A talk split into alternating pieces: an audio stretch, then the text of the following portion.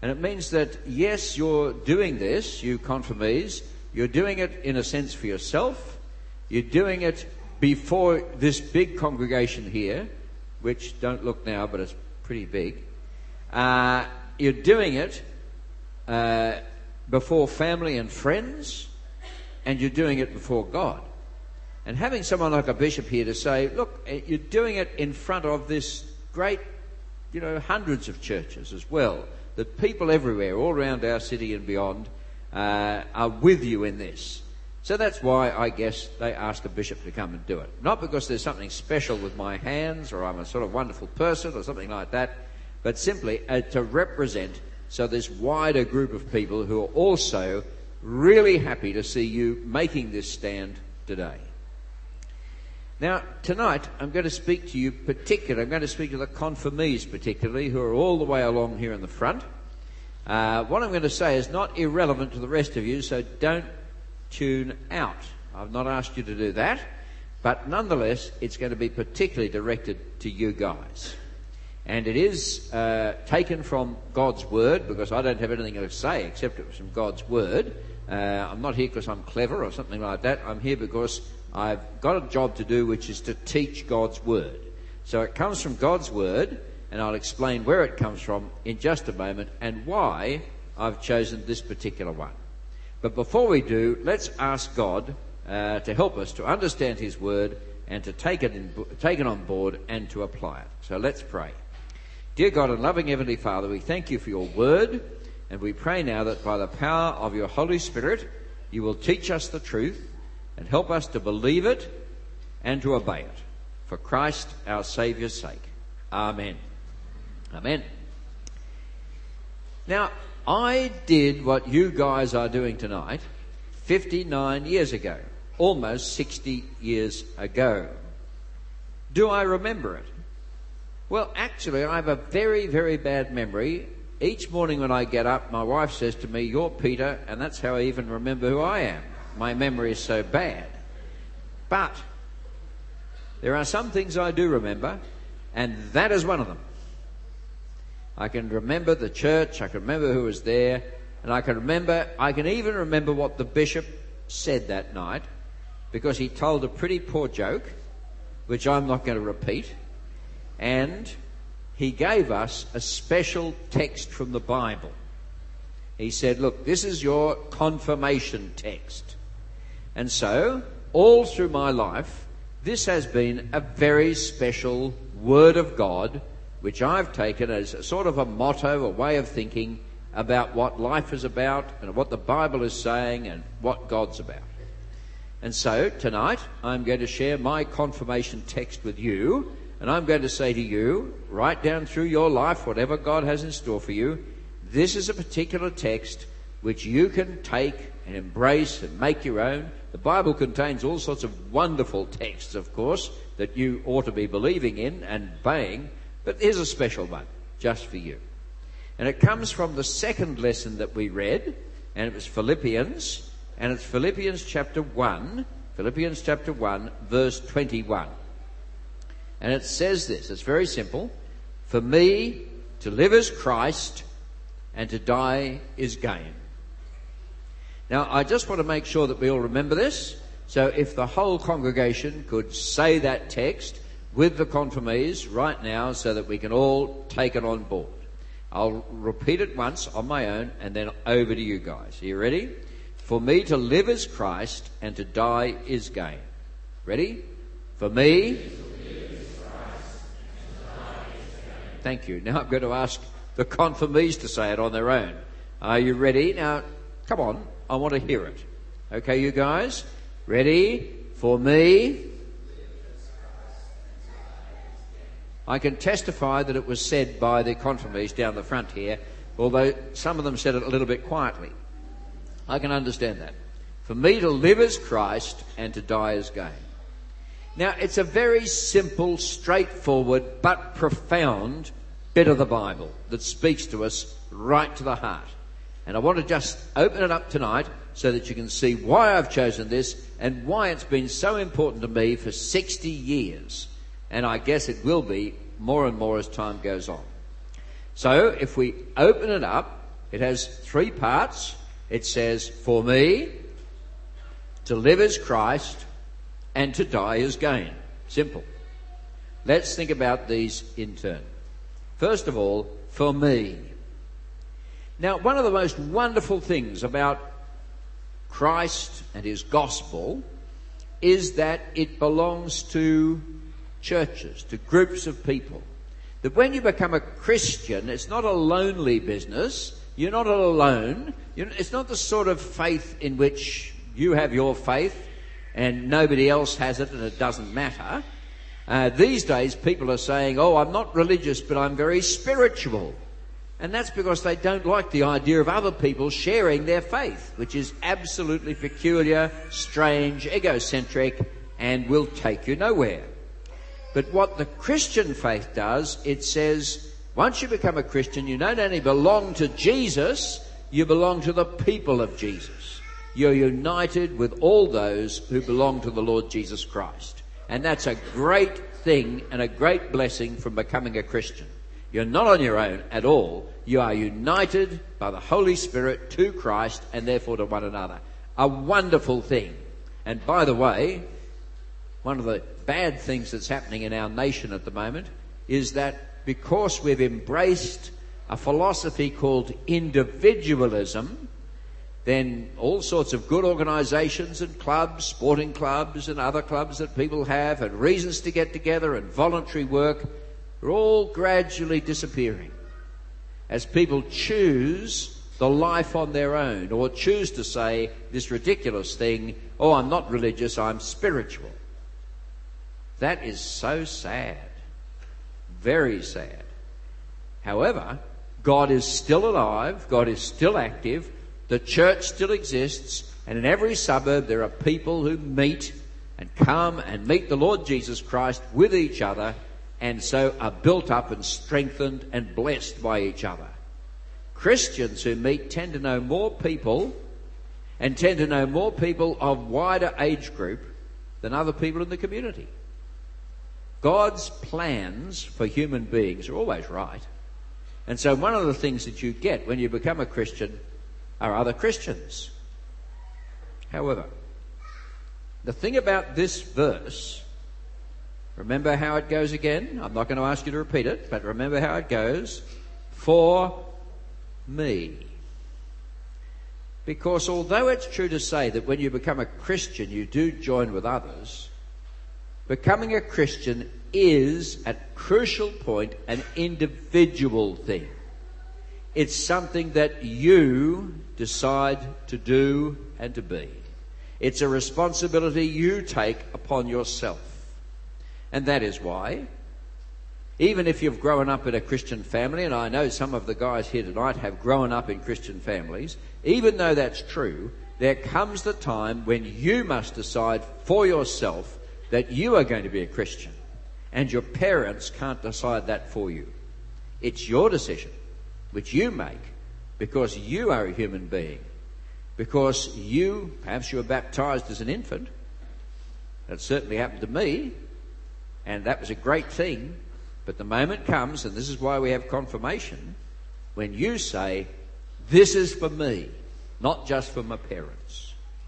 And so tonight, one of the things that's happening as we see these people stand in front of us is that they are individually saying, I'm a Christian. I'm taking that. It's not just a family thing. I am taking it for myself. It's personal. Now, this happened to me when I was uh, 15 years old. It was actually after I was confirmed, but uh, it all played a part in it. But after I was confirmed, when I was 15 years old, uh, our youth group, I'd heard the Bible, I'd read the Bible all down during the years, I'd sort of believed in the Bible in a way, but I didn't have. It was like knowing about the Queen but never meeting the Queen. I'd never had a personal relationship with Her Majesty. And so it was with God. I knew about God, but I hadn't personally met God.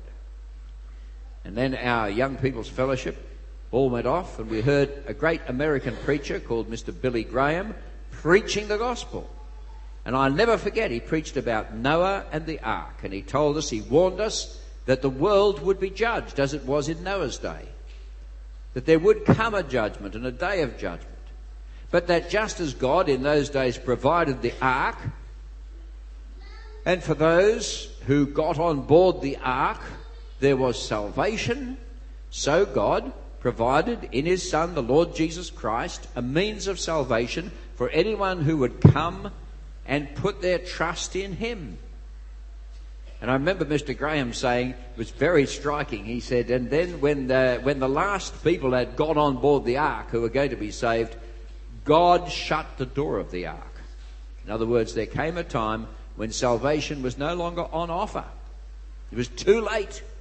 You left it too late.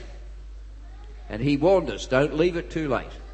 Make your decision for Christ today. And so I did.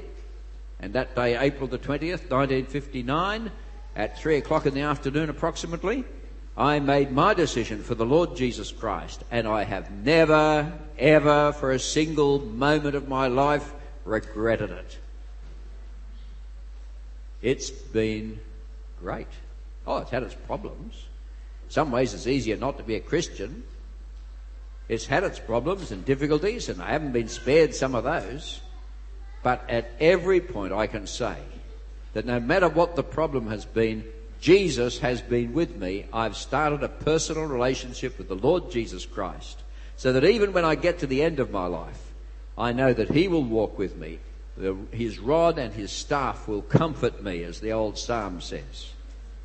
I can testify to you today, and I stand, I want to testify to you, particularly you confirmees, that if you stand with Jesus, if you've made your decision to follow Jesus, if you're putting your faith and confidence in Jesus, He will never leave you. He will never disappoint you.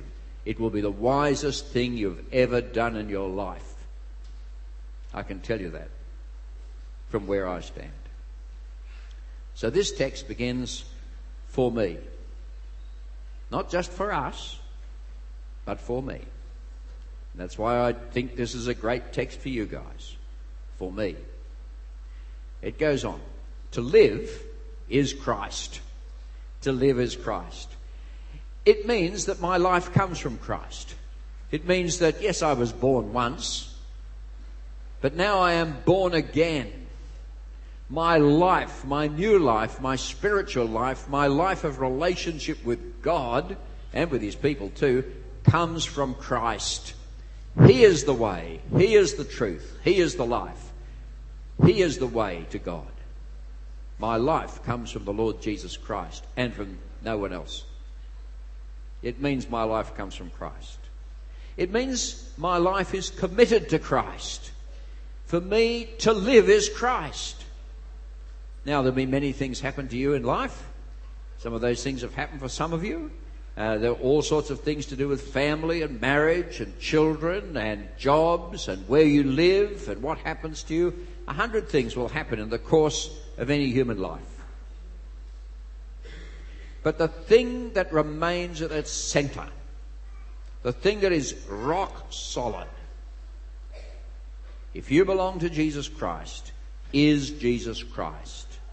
And the thing that you are doing outwardly tonight, I trust you've already done it inwardly, but if not, tonight's the night, is that you are committing yourself to the Lord Jesus Christ as your Lord and Saviour. He is going to be the most important reality in your life. Not the boss, not your parents, not your husband, not your wife, not greed and money. No, nothing like that. The most important reality in your life from now on is Jesus Christ. Of course, you have committed yourself to Him. For me to live is Christ. You live for Him. You live by Him. To live as Christ. And the other thing it means is that your life is going to be fruitful. It's going to contain that which God wants from you. When the Apostle Paul said this, he was uh, contemplating his own death. He was in prison for being a Christian and it was quite likely that he was going to be put to death. And he said, uh, I am not sure what is the best. But he'll know this. He said, if I get more life, if I go on living in this body, I will be fruitful in good works, in the things I should be doing. I'll be fruitful in my obedience to Christ. Now, there's many ways to live life in the world. There's many gods that you can serve. There's many goals that you can aim at. But again, I say to you, I say it because the Bible says it, and I say it from personal experience, that the best way to live, the true way to live, the way, the truth, and the life for you to live, the way that will be most fruitful in all the best things, will be the life you have in following Jesus Christ. Let me illustrate. Money. Money matters to most of us, one way or another. What do we do with it? How do we get pleasure from money? We spend it. We spend it on ourselves. And that's the way we get pleasure from money. Strange that because the Lord Jesus Christ said it is more blessed to give than to receive. And the truth of the matter is, and people have studied this psychologically, believe it or not, that the person who gives their money, who shares their money, the person who is generous to others, the person who is sacrificing themselves for other people is more fulfilled, more fruitful, is happier in the end than the person who goes into the supermarket and stocks up with everything or goes into the shoe shop and comes out with five brand new pairs of shoes. Spend money on yourself, unhappiness. The Lord Jesus, who is our Lord, to whom you're committed, says you'll be more fruitful in your life if you follow him. To live is Christ. Now we come to the next bit. And this is why you wonder sometimes why you do this in a confirmation service, but here it goes to die is gain. Now, let me hasten to say, this was 60 years ago I heard this, and I'm still here. So I'm not talking about immediately. Although for some of us, it may be. You never know. We none of us know when death will come into our lives. But whether it is tomorrow, whether it is in two years' time, or whether it is in 70 or 80 years' time, what the Bible tells us is no matter how good this life has been, no matter how fruitful and good it has been, to die is gain. For it is better, in the end, having passed through this life, it is better, your future, your hope is better. For your hope is to be with Jesus Christ and like Jesus Christ. Wouldn't that be good news? with Jesus and like Jesus and working for Jesus in the life that's to come, the brilliant new age that God proposes. You see, your goal in life, your purpose in life, your aim in life is that which gives meaning to your life. It's what you're aiming for there which helps each day to have meaning. And in a world which has turned its back on God, one of the things that's happened in this world is a sort of spiritual vertigo, a sort of anxiety in the community because we have no goal any longer. We have no purpose. We have no end. There's no, there's no meaning in human life any longer because we have abandoned God. We no longer believe that there is a God in heaven and that there is a judgment day and there's a Savior. And therefore, the experts are telling us that Australians are deeply anxious and are bewildered about the meaning of life. Whereas, if your hope is in Jesus, so that to die is gain, then you have a great hope in life. You have a great aim in life. You are pleasing your Master. And your great hope is to go to be with Him, to be like Him, and to be for Him forever. And that is what gives every day its meaning and purpose. And I trust you'll have many days here on this earth. But where, whether it's long or short, what the Bible tells us, and is absolutely true, to die, even to die, is no bad thing. It is gain because you will be with Jesus. So, conclusion. Let's say this text again, shall we? All together as a church, this time again. Ready? For me, to live is Christ, and to die is gain. It's an encouragement to the confirmees to hear you say that. Confirmees, tonight is a test of your integrity as men and women. Tonight is one of those few occasions in life when you're going to stand up in front of a whole group of people and make some promises, public promises, before God, before this congregation. These are public promises you have already agreed to make on the supposition that you have put your faith and confidence in the Lord Jesus. And I want to say to you tonight, I'm so glad you're going to do this. It's a wonderful thing you are doing. I want to say to you tonight, it's an important thing you're doing. Because publicly you are saying that from now on, well, already this is true, I trust, for me to live as Christ. And I want to say to you, as men and women of integrity, that when you make this promise publicly tonight, it will be a terrible thing to go back on it. For the promise that you are making is before all these people, but most importantly, it's before the living God. Have no fear, make it well. But remember that in making it, you are committing your life publicly, as you have privately, to live for Christ.